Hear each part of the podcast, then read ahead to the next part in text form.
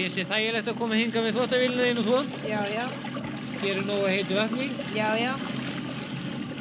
Eru margar konur sem að þvó hérna? Já, já.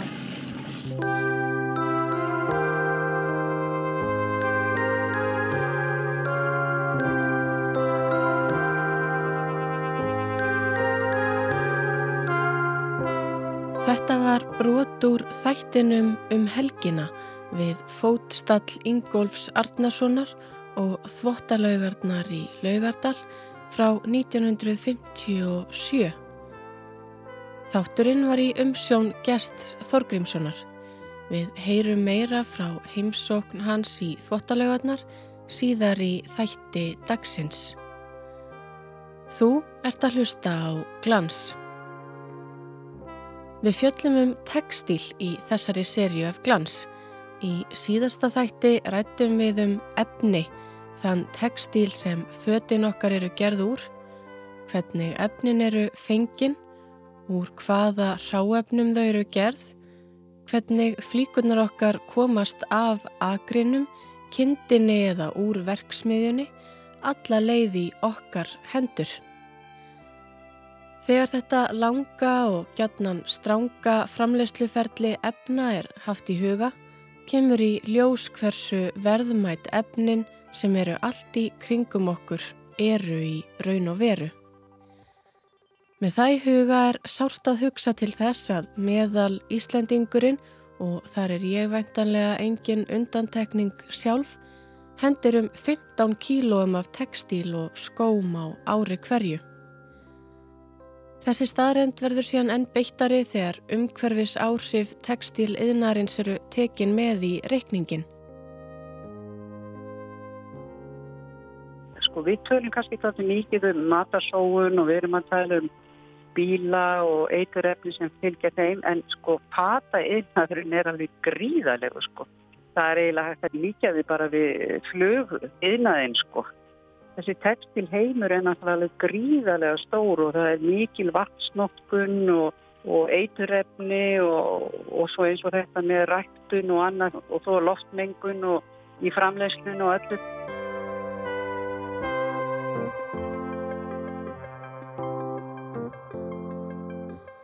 Ástís er þó vongóð og segir miklar framfarir eiga sér stað á sviði textil og framlegslu hans um þessar myndir. Það er alltaf stöðugt verið núna, sérstaklega núna er verið að vinna svo mikið að því að, að við getum endur nýtt og hvernig við gerum það og, og annað. Þannig að það eru miklar framfærir í bara í hönnunar heiminum. Í dag er orðið svo mikið krafa á þetta hönnun og að þetta sé sko sjálfbært og sé hægt að endur nýta og, og þetta endistu vel. Það er svona miklar kröfur í gangi sko. Og þar sem maður kýs kannski heldur að vera hluti af lausninni frekar en vandamálinu, þá ákvað ég að kanna hvað við getum gert, hvað hvert og eitt okkar getum lagt að mörgum. Það er því þetta sem við ætlum að skoða í þætti dagsins. Á tímum þar sem við framleiðum allt of mikið af fötum, kaupum allt of mikið af fötum og hendum allt of mikið af fötum, Hvað getum við gert til að koma í vekk fyrir slíka sóun? Ástís lumaði á allskynns góð ráðum í þeim efnum. Á þínu mati, hvað þarf að breytast í þessum efnum þá? Það er náttúrulega ímislegt í sambandi við það að kaupa það sem endist lengur og fara vel með fatnaðinn og náttúrulega kunna þó, kunna að hyrða um fatnað. En Hvernig förum við á þessum ráðum ástísar? Hvernig getum við látið þessi dýrmætu efni og flíkur endast? Hvernig eigum við að sjáum, hyrða og meðhöndla fatnaðin okkar svo hann endist? Hvernig getum við nýtt fötun okkar betur? Síðan ef tilstendur að bæta í sapnið og fjárfesta í nýri flík, hvað þurfum við að hafa í huga við kaupin? Hvað skiptir máli við valið?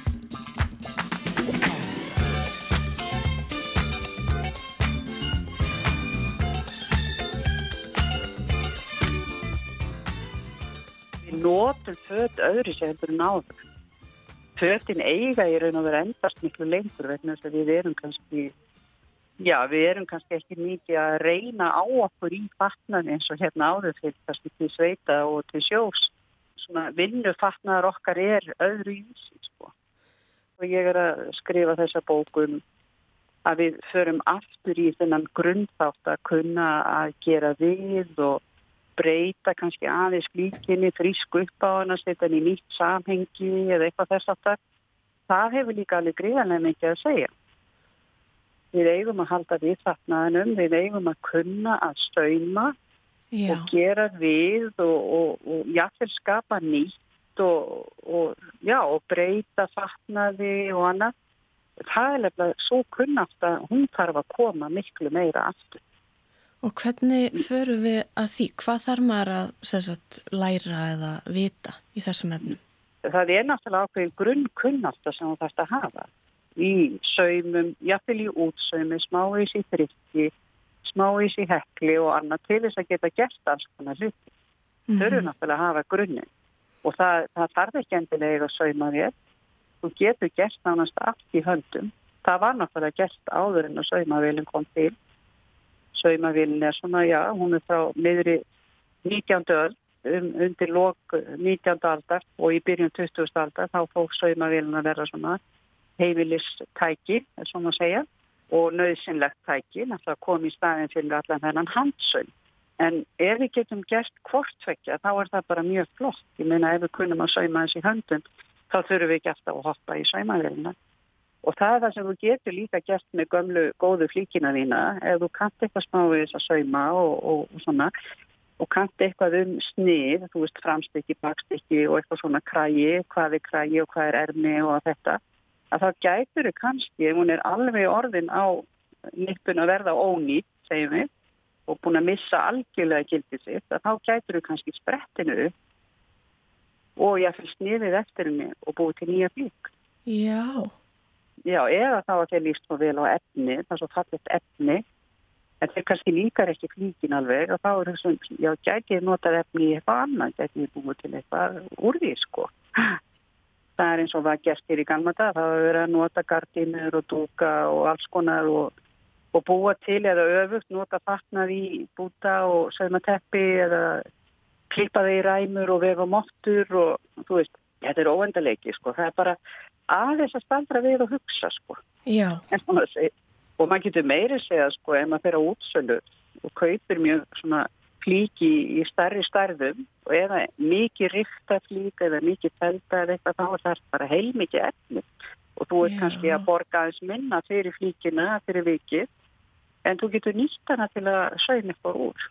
Þannig að það er alls konar svona trygg sem er hægt að gera til þess að viðhalda þessum dýrmætu efnum sko, sem er búið að hafa fyrir að búa til.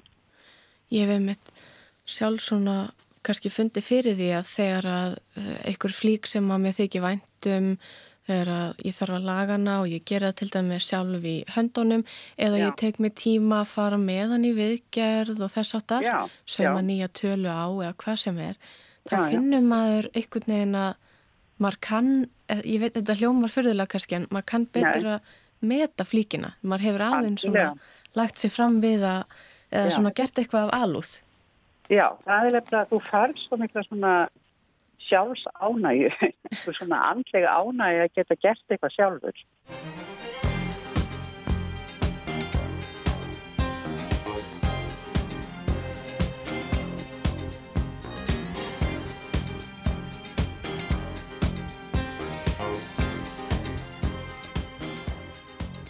Laga, breyta og bæta, það er eitt. En hvað með þessa einan gæsalappa hverstagslegri hluti eða hlut sem við þurfum öll að gera reglulega og framkvæmum mishamingisamlega? Það er að segja að þvó þvottin okkar. Hvað þurfum við að hafa í huga þar svo föttin okkar endist sem lengst? Ég leitaði til sérfræðings til að fá það á reynd. Ég heiti Margret Dórótega Sigfúsdóttir og ég er skólastjóri hústörnarskólanum í Reykjavík. Meðal annars þá kennir þú uh, þvott og ræstingu og persónlegan þvott. Hvað er svona mikilvægast að kunna eða vita í því samhengi? Það er náttúrulega að kunna lesa úr merkjónum innan í flíkunni. Hvað stendur, hvað merkir þýðir og hvort að þau höndum og hvort að maður þau vel og hvað hýtast í. Og passa að það sem að þarf að fara í heitansvott eða suðisvott 90 gráður, fara á það. Af hverju þarf uh, sumi þvottur að fara á suðu þvott? Eins og bortuskur, viskustykki eða diskaþurskur og handklæði. Handklæði þú ferði í raktina, þú setur á handklæðinu kannski gufinni. Þú ferði og þurrskaði sem með handklæðinu og handklæði þetta er í golfið. Þú ert að þurrskaði fæturnar og svo þetta þurrskaði eins og maður segir privat part, eins og maður segir. og þegar það er búið að nota handklæði svona, þá er ekkert nóg að skólt búið því einhverju 30, 40 eða 60. Það þarf bara að fara í söðu. Er það þá að því að geta leinst einhverjar bakteríur? Já, sveppur og ýmislegt sem maður vill ekki bera með sér heim. Og, og svo kannski þurka maður barninu sínu með hanglaðinu. Og ég mæli alltaf með því að allir hafi sér litið að sér munstur á hanglaði. Það mingar svo hanglaðafottin. En svo styrtinu heima fyrir því noti hanglaðan óttan einu sinni. Það verður alltaf svo þessi hanglaði sem er eins og bara heilt teppastæð. Í alvöru. Já. Þetta er svo mikið ramagsóun og þetta er svo mikið bara, uh, bara að della. Við höfum ímislegt annað tíman að gera. Ef maður er með sveitt eigi hanglaði, hversu oft er maður að þóða? Ég skipti svona tveisar viku. Já. Þegar maður er nú ekkert beint aðalega skítuð þá með guðunrústurstinu hefði hjá sér sko. maður er vona ekki. Nei, en áttuðandi hanglaði sem fer mér í raktina eða einhvað svo leiðs, þann fer ég alltaf læt það eftir hverja nótkunn. Já, en sænguverinn? Þau mér alltaf skiptum, en sko fólk er líka að hugsa á það sko, við erum ekki skítuð upp í rúmi, við erum auðvitað treyn það er ekki nefn að gerist einhvað slís en það er alveg nú að skipta hálsmánalega sem við skipta vikulega en maður er alltaf í styrstu maður er alltaf guttlast einhvað í vatninu og það er nógu að fá hálsmánalega nefn eins og ég segi, nefn eitthvað óhaft gerist og svo þegar fólki komið vissan aldur konur fara að svitna mikið þá skipta það oftar og, og þegar maður er með lítið batn upp í rúmi það getur einmislegt gerst og þá skiptir maður þá er engin viku eða hálsmánar dæmi í gangi þar sko Þetta er svolítið mat kannski. Já, þetta er mat svolítið. Sérst að þá eru búin að fara yfir hangklæðin og rúmfötin, en hvað með fötin sín? Þarf að þvó þau mikið? Ekki smikið að fólk gerir. Fólk þær til skallafatna allt og allt og mikið. Er í buksum kannski eitt og svo í þóttuðilina. Þetta er bara della. Já. Sko litunni þæst hægt og bítand úr og þetta verður svolítið svona út, jaskað í útliti. Og það er náttúrulega svo í gallabuksu þá náttúrulega þóður á röngunni þið hengjar út á snúri ekki nema á röngunni því sólinn upplitar allt og hérna og þarf ekki að þóta svona oft. Nota þetta oftar. Og yllarfatnað það þóði alls ekki svona oft. Lópapeisur þegna mjög sjaldan. Það synda svolítið frá sér. Allar yllarfíkur það er ekki að þú hellir bara kaffi við eða mjölkin eða einhvað veist sko. og svo náttúrulega verður þetta skítut fremstu úliðin, eða sko úliðanum með hálsmáliða og það er svona þær maður úr og svo skóla maður úr peysunni. Já. Já En þú sagðar hengja gallaböksur úti um, er margir í því að hengja út hérna á Íslandi? Sko ég get sagt þess að ég var svo hamingu sem því ég flutti yfir tveimur árum og gæti sett upp úti snúru hjá mér. Og hengja út rúmfött og þau eru þurra til klukktíma Já. og setja þau beint á rúmið ef maður með þannig sem það er ekki strauja. Það er indislegt útiliktinn og, og bara þetta þotnar eins og skot og líka eitt það að það vantar svo í hús í dag það er bara þott aðstæðin á baði. Og það er á að þurka allt og, og bæða snúrum og þurkara það mynda svo mikið raki við þetta Já. mynda svo mikið rakin á baðarbygginu það er best fram íbúðina sem er að þurka inn í stofu. Það er svo mikið raki á þessu svo að fólk að hvertu þessu kannski einhverju sveppir einhvað þetta er alveg kjöri fyrir það. Maður þarf að opna allt út og lofta vel út eða maður þarf að gera þetta svona en að geta þurka því svo bara hengi út stór hanglaði þau eru þurrana við klukkutíma. Og þetta er svo gott og þetta er svo gaman að fara að hengja út á snúru. Já, það fær svona smá færst loft í leiðinni. Já, alveg hend og viðra sengurna þá líka út. Já. Fólk er svo hissa maður að segja viðra út. Þetta er út á svalir eða handrið og dustóruðum að það, þetta er ekkert betur eins en til. En ef maður sér sko að maður ætti að horfa á þætti í sjónvarpinu um byggingahúsnæði og endurniðin og íbúin og svona, það er alltaf hjá breytónum, ástansku þættirnir og í Danmurk alltaf getur að fyrir vaskósi. Já, Það er svo íslenskar arkitekt að hafa alltaf heift þetta orð. já, akkur að það sé. þetta er svolítið, ég veit ekki, þetta er svolítið skrítið. Já, Því öllum húsum sem byggð voru hérna í kringum 48-50, það er alltaf stórt vaskahús niður í kjallara. Og það var það sem loftar vel um og þetta hafa opin glukk og neti og, og ég bjóð svoleiðis í 100 ár segir maður bara, það var úskaplega lengi. Og það bara, við varum þrjári íbúður og hver hafði fjóra snúrur, aldrei vesinn, bara treyið sem maður vildi og þarna bara mjög snart. Og þegar fólk er sér hrættu einhver taki þátt og hver heldur að áhuga nærmast var maður eitthvað svo leys þvílik steipa og maður þekki fólk í húsunum. Þá bankar maður bara upp á ef maður, maður saknar einhvers. já og það hefur að gerðist aldrei just the two of us. We can make it if we try, just the two of us. Just the two of us. Just the two of us. Building them castles in the sky, just the two of us. You and I. Svona þekking og bara hvað varðar að meðhundla þvottin sinn og klæði sem er með heima hjá sér á réttan hátt. Hvernig stöndum við Íslendingar okkur í þessu að þínu mati? svona ágætlega mætti vera aðeins svona betra sérstaklega myllaflíkunar og það er svona bara ef að fólk vanda sig og passar að lesa ámerkingarnar og, og hérna sko meðhandla flíkunar rétt. Eins og ungbarnafatnaður nærfatnaður, þetta má yfirleitt allt fara í suðu.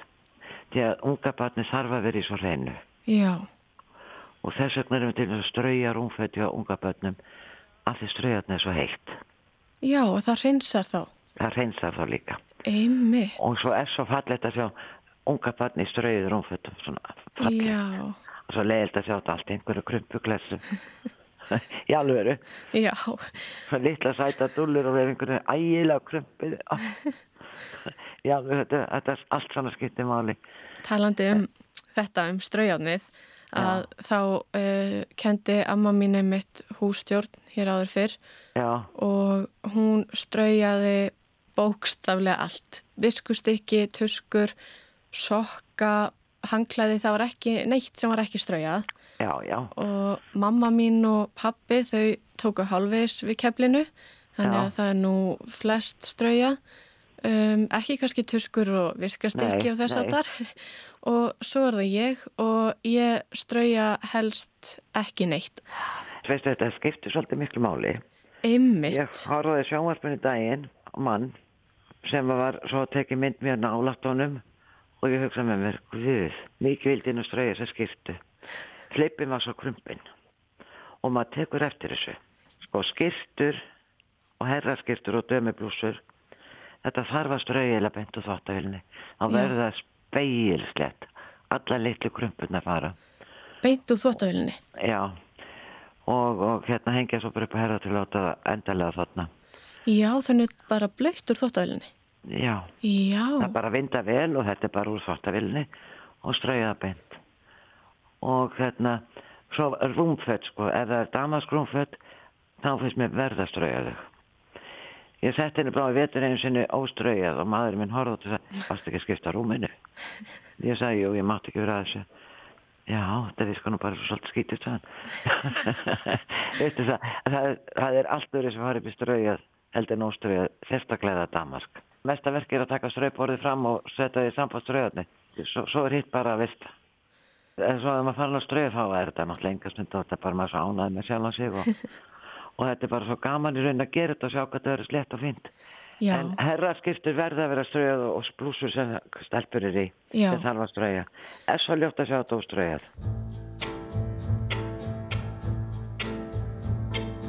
If you see me walking down the street and I start to cry each time we meet, walk on. Skiptir síðan máli hvaða efni maður notar til þrifana. í þóttavilna Já, það skiptir svolítið máli sko nú mæla húðurlegnar ekki með mýkingarefni Míkingarefni nota maður ekki íþróttaföld. Þá verður að ég enda með að verða óskaplega vandlíkt af þeim. Og náttúrulega svo íþróttaföld eftir hverja notkunn. Alltaf. Það og minka líka sápunotkunna. Það þarf svo litla sápuvélanar. Já, en manni líður oft eins og að þvotturinn sé hreitni ef það er meiri sápa, er það bara að mýta? Það er bara, bara vitlis, það má ekki. Þetta situr í þvottinu, þetta veldur kláða og manni klæjar undan hötunum og þetta er rosalega slæmt fyrir lítið börn.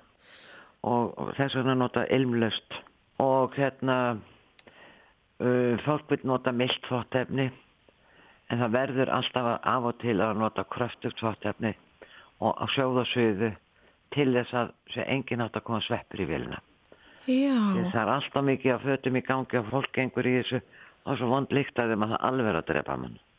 er þvottavélinn ónýtt það er komin sveppur? það getur orðið, sko, stundin áður ekki að reynsa sveppin úr, Já, sagði mér viðgera maðurinn á þvottavélum.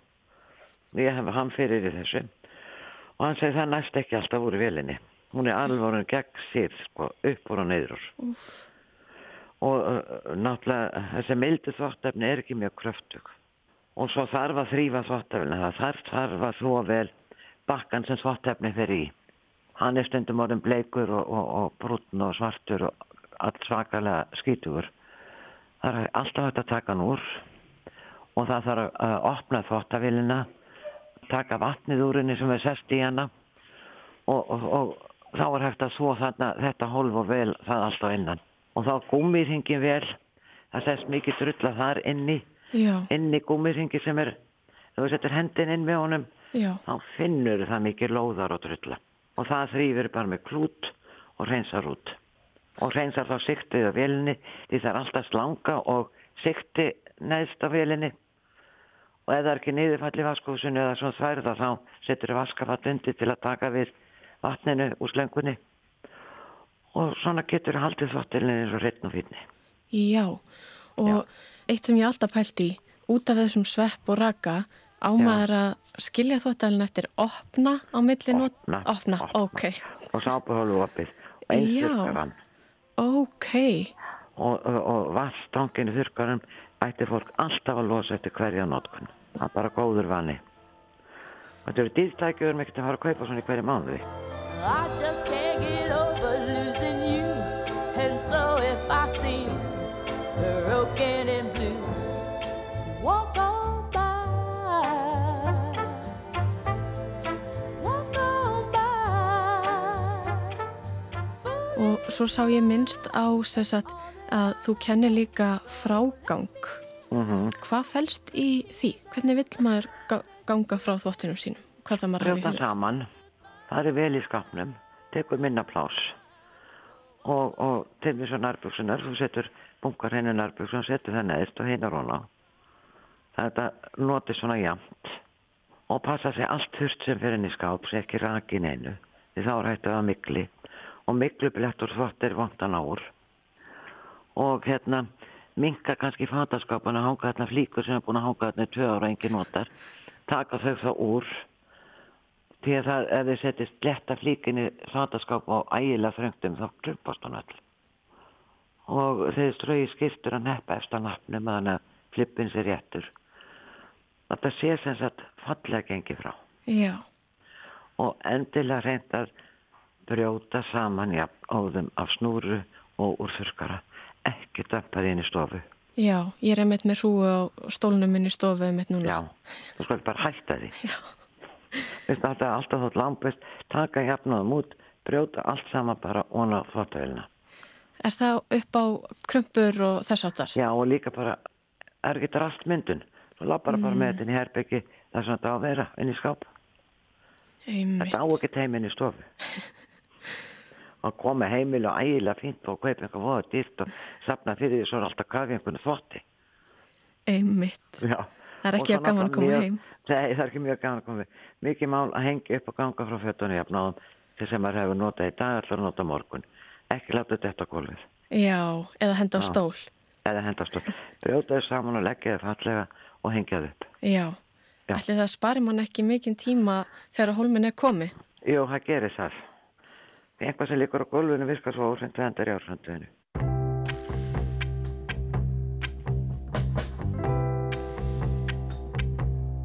ársönduðinu. just too good to be true. Can't take my eyes off you. You'd be like heaven to touch. I wanna hold you so much. Maður finnur alveg fyrir því sjálfur að svona þegar maður tekur sér tími að hugsa vel um fötin sín og, og þrýfa þau vel og strauja þau og svona, það, það gefur mann eitthvað. Gerir það. Hver er einmitt ávinningurinn af því að hugsa vel um fötin sín og þvoðu rétt og þess aftar? Það endast betur. Maður getur átt fötur sem er fötin árum saman. Alveg hreint. Bara maður hugsa vel um þau, færðu þau rétt hitastig, færðu ekki of oft og, og náttúrulega viss fött skiptir mér um á hverjum degi, svo nærfött og, og og fólk sýtnar annars líkt. En að gera þetta við rétt hitastig og ekki alltaf einhver ólega löngun tekja klukktíma prógramum. Það er ekki svo svakalega skítugt. Og þó úr líningum og skiptum og bæði hálsmál og, og ermum. Bara með handsápu það fer ykkur í þáttavilni þetta gula fítan það þrótt bara nuttað úr. Stundum að nota maður aðeins naglabustan á það það fer þetta allt úr. Og, og hérna, haldið sér bara hrein og fínu. Þetta er svo einfalt í rauninni. Og þá, þetta létti mann allt svo. Og það var líka svo ánæður um að spara mikið pening á þessu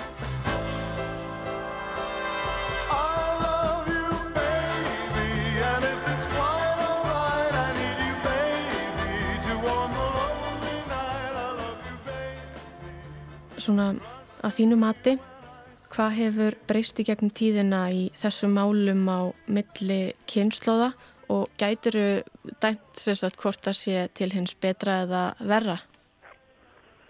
Þetta er náttúrulega betur, þetta er ekkert tímafrækt, það var alveg sikara tímafrækt að þvó þvott hérna áður fyrr. Það var bara heili þvottadagarnir og þetta var mjög mikil vinna. Á þessum tíma voru konur heima, það voru heima vinnandi, voru heima og sáum börn og búa og það þurfti að vinna svo mikið heima. Það var ekki til svona mikið að fötun tilbúð, það urða að sauma allt heima og, og þær voru alltaf að vinna sér í hægin, það verið að gera mikið af haustverkum til að hafa fyrir veturinn og ymmislegt svona sko. En það er eitt að þvotturinn var aldrei mislítur hjá konunum í gamla daga. Já, Hann var alveg snjaka, hvítur og ofsalega fallegur og þær voru náttúrulega í höndunum sem þurfti að þau í höndunum og, og þetta var náttúrulega rosalega mikil vinna en hann var svo braglegur og flottur. En tímasparsnaðurinn í dag, það ekki að líka sér saman. Nei. Og þrældómurinn að veið þetta upp rennandi blött nýðþúnt á milli bala og skóla og vind og hengi allt út. Þetta var rosalega erfiði. Tumble out of bed and I stumble to the kitchen. Pour myself a cup of ambition. nú er ég bara ótrúlega satt orðin spennt að fara að bæði brjóta saman þvottinn og þvó. Já, og myndið drastlið stofinni. Já, akkurat, í því. Takk fyrir kærlega. Já, lítið.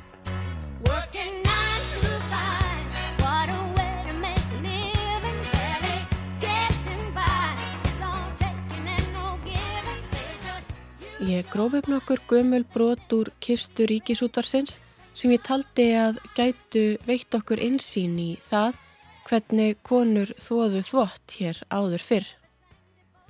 Við byrjum á að heyra aftur frá heimsókn gests Þorgrímssonar í þvottalegarnar árið 1957. won't seem to let me in. En þegar Ingólfur kom hingað fyrir 1073 árum horfði hann ekki út yfir sjóin, heldur í gagstæða átt og sá reik í dalnum inn úr víkinni og nefndi staðinn Reykjavík. Nú sést ekki lengur reikur úr þessum dal því að hverinn hefur verið beislaður, þó eru þvottalögarnar enn við líði og það verður ekki úr vegi að heimsækja þann fornfræga stað. Og hér er ég komin inn í þvottalaugar og þar er öðruvísu umhors en áður var.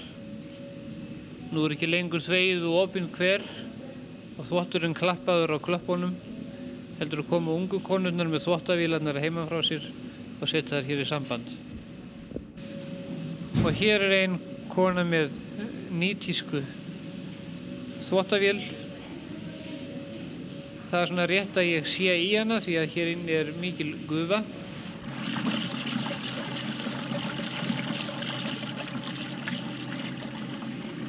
Finnst þið þægilegt að koma hinga með þvóttavélina þín og þvó? Já, já. Er nógu að heitu vatni. Já, já, Eru margar konur sem að þvó hérna? já, já. Manst þú nú eftir lögunum öðruvísi? Ég man eftir gömlu löguna. Þú manst eftir gamla lögunum, já. Já. En þú er ekki þvegið þar? Jú, jú, ég þvóði þær. Hérna, það var það út úr lögin og með grindunum. Já. En þó var ég líklega betra að snúa sér til einhverju eldri konu ef maður vildi fá sanna mynd af þvóttalögunum eins og þar voru áður.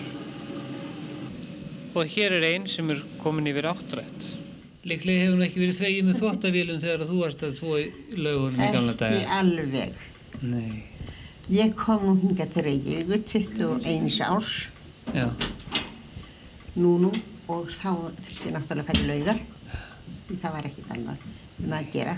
En ég átti langt heima í bæ og svo labbaði ég, fór fætur klukkan svona ganga tvö og fór oftast neyri einn þessa litlu leið og labbaði inn í laugar. Já. Ég þurfti ekki að bera neitt þvottið neitt svo leiðis. Já, já. Mér þótti hátíð þegar ég fekk vinstúrku mína með mér. Ég þurfti ekki að vera einn. Já, það hefur skuggalegt að labba þannig. Já, og týrurnar svona grútar týrur á götunni hingað og þangað og ljósi glugum. Maður þurfti að koma svo snemma inn á ornana, eða inn- eftir, Já. til þess að komast inn. Fólki var svo margt. Annars mátti maður gera svo vel að vera úti allan að þvó. Hvort það var heldur rigning eða frost. Það var hús þarna, Já, já, tvö hús. voru tvö hús, já. Já. En uh, laugin sjálf var opinn úti. Já, girt yfir hana bara. Já. Hún, hún var ógirt, ekkert girt yfir hana hér í gamla daga, lönga ára ég kom. En það hefði dottið ykkur ofan í hana Já. og þá var farið að gera það yfir. Svo, og svo þetta manni hátíð að það var einhver kunningi manns í lögunum sem vildi vinda menna með þvottin, Já. lög og sengurur og svoleiðis nokkuð. En nú er það vélarnar sem að vinda. Kanntu einhver sögur um það þegar að konur báru nú þvottin á sjálfum sér? Nei, það var alveg út um það þegar ég kom. Já. Og komið vegur alla leið? Já, alla leið yfir.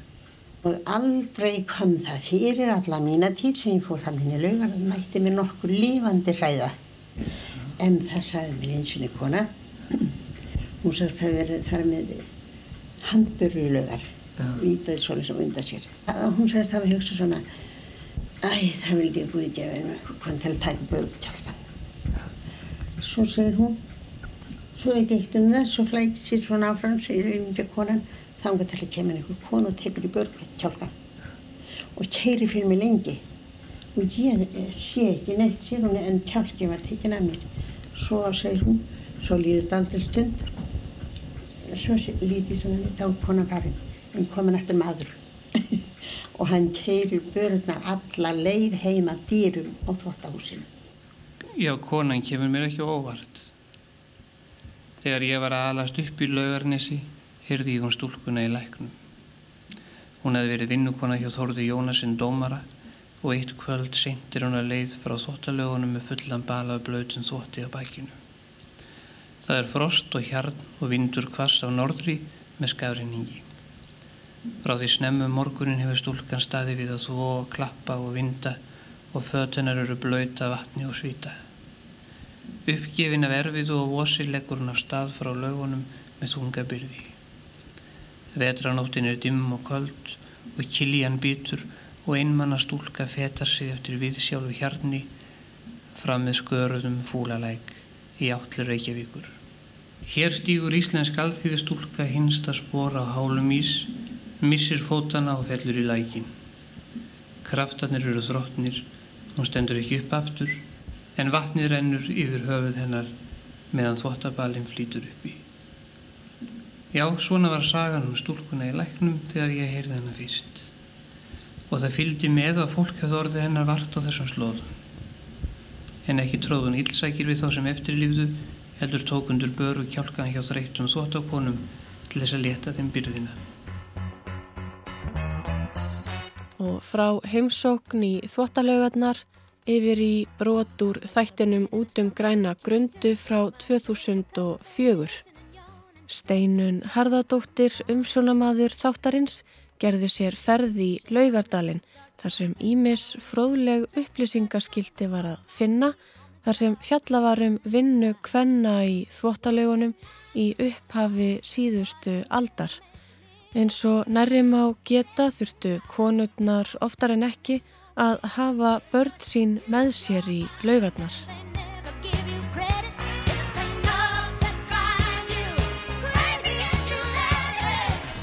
Smáfólkið, leiksvæði barna.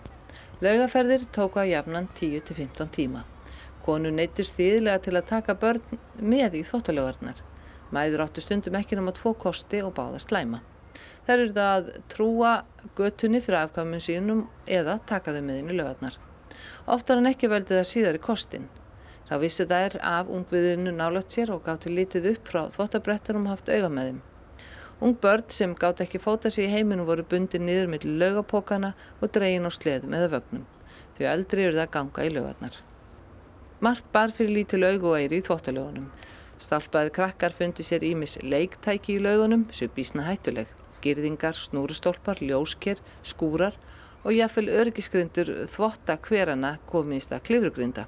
Smáfattafólkið reyndi einnig getuna í langstökki yfir laugalækin. Smáfólkið gleymdi sér gjarnan í hitta leiksins. Í þvottalögunum leyndust margar hættur fyrir börn. Mæður hafa eflust oft haft áhyggjur af leik afkvæma sína í lögunum. Þar urðu stökun sínum alvarleg slís á yngstu bæjarbúunum. Sömurinn 1917 var börnum minna við fermingu bannað að koma í þvottalögunar nema í fyllt fullorðina. Það var öllum börnum forbóðið að koma nála þvottakverunum. Þar var yðurlega mikill handagangur. Tölver hætta var á því að heita vatni skvettist á þá sem leið áttu hjá lögunum. Yfirvöld bæjarins treystu sér ekki til að ganga lengra og banna börnum aðgang. Það hafði í raun útloka þær konur frá þvottalögunum sem ekki áttu vísa gæslu fyrir börn sín. Í júnimánuði árið 1918 fjall fimm ára telpa í þvottakverin og lest. Eftir slísið forbeði borgarstjóri börnum yngri en 14 ára að koma í lögarnar. Það var hins vegar aldrei hægt að framfylgja banninu til hlítar. Vinna barna. Karlmenn eiga margir góðar minningar frá æsku dögum og þvottalögunum. Strákum þótti gaman að fylgjast með mannlífinu í lögunum. Drengir dró oft sleða eða vagna fyrir mæður sínar. Þeir sóttu einni heitt vatni í þvottakverin og báru í þvottahúsið. Skildustur strákanum voru ekki tímafreg, þeir höfðu meira svigrum til leikja en telpur. Konur verðast ekki eiga eins gleðiríkar æskuminningar og þvottalögunum á karlmenn. Mæður byrjuðu snemma að kenna dætrun sínum helstu handtökjum við þvottana. Ungar nátur hói yfirleitt verknámi með því að vinda úr sokkum. Um fermingu voru stúlkur hins verðtaldar fullgildar þvottakonur. Hestar og hestöfl. Í júnibyrjun 1890 hófust reglubundna ferðir í þvottalögarnar. Þá var komið vakkfær vegur heim á þvottahúsi Torvaldsens félagsins. Þetta voru fyrstu áallunaferðir í Reykjavík en það höfðu aldrei fyrirverið aðstæði til hestvagna í vegljósum bæjarins. Hestvagnin var ekki notað til að flytja fólkin í laugar heldur þvott. Laugabóka Reykjavíkinga voru sóttur heim til þeirra sem byggu við akfæra vegi. Hinnur eru það að koma þvottunum og ákveðin mótökustað í bænum. Þvottakonur eru enn sem fyrir að fara fótgangandi í laugarnar. Þar gáttu þær tekið óþreyttar til hendinni ef hestar blið létti laugapoka klífjarnum af þeim. Og fá reykjíkingar voru hins vegar reyðbúinir að greiða fyrir þjónustuna. Þessar fyrstu állunaferðir í bænum lögðust því fljótt af. Laugavagn hins íslenska kvenfélags. Hið íslenska kvenfélag var stopnað í Reykjavík árið 1894 og öðru starfsári ákvað það að létta af kvenfólki hinnu þunga okki laugaburðinum. Kvenfélagið hóf laugaferðir um miðjan mæ árið 1895. Félagskonur hugðust þannig koma í veg fyrir að kynnsistur þeirra væri notaðar sem ábyrðaklárar í þvottalögarnar. Í áslögg hafðu rúmlega 600 pókar verið fluttir fullir af þvotti í lögarnar. Rétt á ári síðan eitti skænfélagi til að leysa flutningstækið upp. Fjölmörg heimili í bænum gátt ekki pungað út auðrum fyrir akstri á þvotti. Húsbændur bjargáluna fjölskylda kusu auk þessumir hverjir að senda vinnu konuna sem fyrir með þvottin á bakinu. Áallunaferðir hestvagna í þvottalöðunar varpa á ljósi á þau áhrif sem ný tæki geta haft á verkaskiptingu kynjana. Reykvískar konur hafði áratug flutt þungan þvott bæjarbúa á bakinu í lögarnar. Þegar hestafli leisti bök hvenna af holmi voru það karlmenn sem heldum tauma hestvaksins. Þeir höfðu hins vegar allt að helmingi herri laun fyrir vinnu sína en konur fyrir strítvinnu þvottana. Árið 1917 ákvað bæjarstjóri Reykjavíkur að hefja skiplaða laugaferðir. Fjóri til fimm mótökustaðir vísvegar um bæinn tóku á móti farangri Reykvíkinga í þvottalögarnar. Lögakeislan hófst 16. júni en mest var flutt í september og oktober í áslög 1917 var þá búið að flytja 72 tonn í þvottalögarnar. Árið 1918 voru flutt rúm 161 tonn og árið eftir tæplega 178. Og árið 1918 til 19 var mest flutt á vormánuðum en minnst í desember. Þvottakonur þurftu eftir sem áður að fara fótgangandi inn í lögar. Yfirvöld bæjarinn stiltu fargjaldinu í hó og urðu jafnan að leggja með átlanaferðum lögavaksins. Ófáður reykjökingar urðu engu að síður að spara þau útlát. Alþjóðu konur held því margar hverjar áfram að flytja þvottin sjálfar inn í lögar. Árið 1920 ákvað bæjastjórin að kaupa bifrið til að leysa lögahestana af holmi. Bifriðin var ekki aðeins notu til að flytja farangur inn í þvottalögarnar. Hún var í upp að veitning notu til sjúkraflutninga. Stöðut fleiri konur fóru hjólandi í lögarnar, sumar með allt sitt hafurtask. Þvottakonu var ekki bóðið upp á skiplaðar áallunaferði fyrir í lók þriðja áratugarins. Sumarið 1927 hóf bifröðastu Reykjavíkur reglubunnar ferðir í lögarnar. Fjórum ár síðar fóru fyrstu strætisvagnarnir að ganga í bænum. Þeir fækkuðu verulega á spórum hvenna sem óttu leið í þvottalögarnar.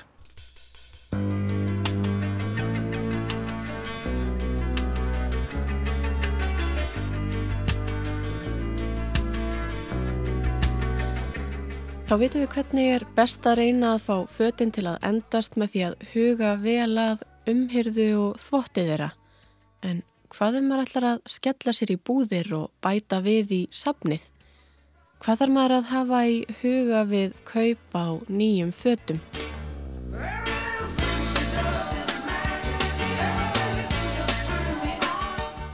Er meiri áhersla á svona einhvers konar sérstaklega klæðnaður tengist kannski samfélagsstöðu eða, eða af hverju heldur að við séum svona örta skiptum og verðum svona fljótt leið á því sem við eigum? Já, það er náttúrulega markaðurinn sem stýri því svolítið. Okkur finnst náttúrulega gaman, það er ákveðin stemning að fara í búð og leita fötum og, og veri í nýjum fatnaði og, og þess að þar. Við erum samt aðeins að körfa frá þessu náttúrulega út af öllum þessum aðstæðum okkar í umhverfismál og svona náttúrulega COVID hefur haft mikið að segja líka og svona e, það hefur verið vestla minna eins og sagt er. Við erum meira heima, við erum ekki að fara út að skemmt okkur og allt þetta sko þannig að við þurfum ekki allan þennan fatna. Mm -hmm. Þannig að vestluna hættir hafa breyst en markasetningin gengur náttúrulega og tísku tísku hjóli það snýst mjög hratt og hefur gert það er alltaf eins og það hefur verið að koma föt í vestlani kannski bara í hverju viku skilur og svo er það nýjasta fremst á gólfinu og heittist þetta aftar og jáfnvegulega útsölu og eitthvað svona. Það er ákveðin svona markaðs yngripp í okkar hugsanir. Þannig að okkur er stýrt alltaf mikið. Já, og svo eru öll þessi tískublöð og umfjöldun í blöðum og samfélagsmiðlarnir. Já, og þú veist, og alltaf þetta áreiti, sko. En ég held að svona, mér finnst við vera fara að staldra við og svona aðeins að þau byttu byttu, nú ætla ég aðeins að fá að hugsa hérna, sko. og aðeins að meta það og hvað ég þarf mikið og, og við, erum, við erum aðeins annar staðar ég núna. Tískan er skemmtileg en við þurfum líka svolítið að stjórna því sjálf. Við þurfum náttúrulega að vesta til þess að þau verði til, skilur við. Einmitt. Við getum ekki bara alveg farið í null og sagt, já, ég, nú ætla ég bara ekki að kaupa neitt og gera neitt og ekki neitt og, og þá náttúrulega kemur það aftan á okkur sko líka.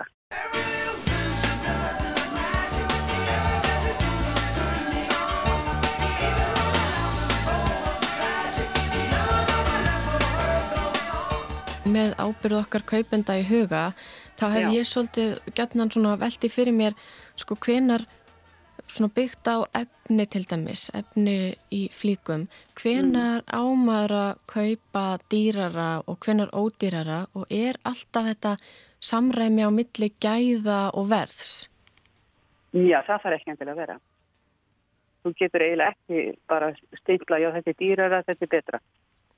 Þú getur það ekki. Sko, það er svo margt þarna sem spilar inn í og svo er náttúrulega eftir stundum bara borga fyrir eitthvað uh, vörumerki. Sko. Ég borga bara helmingina að verðinu fyrir bara merkið. Því að þeir eru náttúrulega framlega að reyna uh, tapmarka kostnað við framlegslu og, og launakostnað líka eins og aðri sko. Þeir eru, þannig að við erum alveg komin, komin alveg þangað sko. Svona uh, sem neytandi, hvað ætti maður að hafa í huga hvað varðar efni þegar maður er að vesla sér fött? Já, það er náttúrulega mjög margt en svona kannski eins og ég sagði á þann að dýrari flýkur sko þýð ekkit endilega það sé betri af gæðum en það er ódýrari. En ef að flýk kostar mjög lítið, þá er líklegt að eitthvað vant upp á gæðum. Það er eiginlega það sem maður getur haft svona til viðmiðuna. En svo er náttúrulega eins og þykkari efni, þau endast yfirleitt betur en þau tunnu. En það fyrir líka náttúrulega eftir notagildi hvort sé hendur að til dæmis eru léttari efni hendur í sól og hita en þykk í kulda. Þannig að það er náttúrulega við lendum svo aftur í því. Og þjertleiki til dæmis í opnu efni eða prjóna efni getur haft til dæmis eh, meira að segja um endingu. Því þjertari því betri ending. Gísin efni eiga freka til, að, til dæmis að gefa eftir og, og mynda gött eða sauma rakni upp heldur en þau sem eru þjert ofin eða þjert prjónu. Og svo getum við líka að tala um þyngd efna, en fremur þunn efni geta haft fallegt fall og þá henda þau kannski betur í eins og blúsur og kjóla, heldur þau léttu. Það fyrir líka eftir í hva- í hvað efnið er notað í flíkin og hvernig flíkin á að virka svona sem notagildi. Svo náttúrulega eins og með gallabuxur, ef þar hafi verið meðhöndlað til dæmis með einhverjum kemískum efnum eða verið sand eða steintvegnar eins og maður talar um, þannig að það er missi lit og, og svona myndi einhverja slitna áferð. Þá er ég að fyrir líklega að það er endast síðri síður heldur en gallabuxur sem eru ómeðhöndlaðar. Það er til dæmis eitt sko. Og það koma eðlilegri slitfletir við dökkar buxur. En svo er þetta náttúrulega tískuströymar þess að ráða, það er, hefur verið miklu tískuströymar í kringum gallabuxur Svo er líka eitt sem er hægt að skoða. Það er til dæmis ef það er mikið um svona spotta, svona óklifta spotta á nýlegum fatnaði og maður fyrir að þukla á flíkinu og maður sé til dæmis að já, faldurum myndi nú kannski bara rakna auðvitað upp eða Mm. saumurinn er skakkur og, og ef ég tek svolítið svona í sauminu og hann gliðnar veist, við árenslu, þá getur það til dæmis sagt mér að, að þetta sé léleg saumavinna og, og þá mikkar það líka gæðin. Þannig að það er hendugt er að flíkin sé með góðum og st- styrkum saumum og faldar séu breyðir og vel uppsettir, eða sem sagt gengi vel frá þeim og því breyðari faldur og því breyðari saumför því líklega gæti ég vika flíkina eða síka. Þannig að, sem sagt, þegar maður er að vesla þá er kannski líka gott að huga að tilgangi flíkar, flíkarinnar ekki Já. bara fegurðagildi. Já. Já. Og eins og maður, ef maður á til að, bæta viðstig eða eitthvað svoleiðis að, að skoða saumförin, já ég gæti nú kannski aðeins vika þetta eða eitthvað svona eða ég er ekki alveg viss hvort að stíktin sé í lagi, ok, það er faldur sem er alveg vel og ég gæti tíkta það ég vil. Það er svona ákveðin klókindi líka sko. Svo er fleira, það Já. er eins og til dæmis tölur og knappar séu vel kæstir þeir eru svona lausir og maður finnur þeir svona þunnir og svona þá uh, merkir það kannski sem sagt ekki góðan frágang og ekki vandaði vinnu. Þannig Já. að maður þarf svona aðeins að taka í knappa og tölur svona aðeins að klípa í það svona til að sjá hvort það sérstaklega til þess að maður er að kaupa kápur og, og svona það sem eru starri tölur og kannski dýrari. Tölur eru reynda mjög dýrar. Svo líka rennilásar að þessi auðvelt að renna upp og niður og eins og þú ert í buksunum, það er eitt fítus sem að, að þegar rennir upp að hann sitji fastur og ef þú beigir þig eða gerir eitthvað, það er stundum svona státið trikki og maður lendir í því oft nýja buksur að rennilásum bara gliðna þegar maður kannski beigir sig að þá rennir hann upp, það maður þarf að líka tjekka á því og, og það sé auðvelt að komast í og úr flíkinni. Maður farið smá æfingar í mátunarkljónum. Já, Já. angilega að beigja sig og tegja og... Já, já, svo bara náttúrulega þarf maður að huga líka að bara notagildinni í hvað ætla ég að nota þessa flík og það Já. hefur verið svona e, hérna, eins og við vorum stundum alltaf að tala um spari fatnað og hverstað fatnað og svona það hefur svona sem að kalla feita svolítið út ofta ámaður flíkur sem að maður getur bara já ok, ég ætla að fara út að borða eða veist, ég þarf ekki að skipta um föt eða skiluru, eða Akkurat. ég ætla í leikhús eða eitthvað svona, það hefur svolítið runnið svolítið til. Já. Þess vegna hefur verið svona spurningar svolítið um eins og sparifatna hvort það sé hægt að bara deila eða leia eða Mm. eiga saman eða eitthvað svona sko. Það hefur verið spurning í kringum sparifatnaði. Á maður að hafa í huga til dæmis hvernig meðhöndlun flíku, flíka, hvernig beigum þetta orð? Flík, Já, fl- flíkinar eða... já, Já. hvernig meðhöndlun flíkinar er sagt hvort það sé erfitt að þvóana, hvort hún krumpist mikið, hvort efnið verði ljótt og þess áttar við kaupin. Algjörlega. Og það er það sem þú þarfst að kíkja á, hvernig er hún hreinstuð, er þetta þóna? Verði ég að setja þetta í hreinstuð? Hvað ætlum ég að nota? Ef þetta er spariflík, þá er kannski alltaf lægi að hún fari bara í hreinstuð. Já, En ef þetta er hverstasflík og ég nota hana oft, þá þarf ég ekki að þegja hana. Og svo er náttúrulega straujunin líka, það þarf að passa það mjög vel í sambandi við gerfiðefnin. Vegna þess að ef þú ert með of heitt eh, strauja, þá gætur þú brett eða komið far eftir straujaotnið og svona. já, Já, það þarf að passa það mjög vel sko. En svo er í sambandi við krumpið sko. Það er Mhm. náttúrulega mismöndi hvernig flíkur krumpast. En Mhm. e, það er eitt e, trikk í sambandi við það. Það er að þú ert með flíkina eða erst að kaupa efni, það er annað gort eða eitthvað svo leiðis, að þá hérna getur þú haldið krumpað efni svona inn í lóan og haldið fast í smá tíma og svo slepp og þá sérðu hvort að krumpur koma já. og þú sér líka hvort að það renna úr strax eða ekki. Þannig að það er Áhugavert. mjög sniðut að gera það, að fara inn í mátunarklefan og, og halda svona í eitt hopnið einhver staðar og, og krumpa þetta alltaf vel og að því líkan sitin, Mhm. hann vinnur á efninu líka, þú veist, ef það komur kruppur, þá er það vegna þess að þú ert búin að vera í einhverju stellingu og hýta efnið og svo stendur upp og þá er allt í kruppu. Stundur rennur það bara úr eftir smá tíma, eftir 2-3 mínútur Já. en í vissu tilvelli þá situr það bara fast.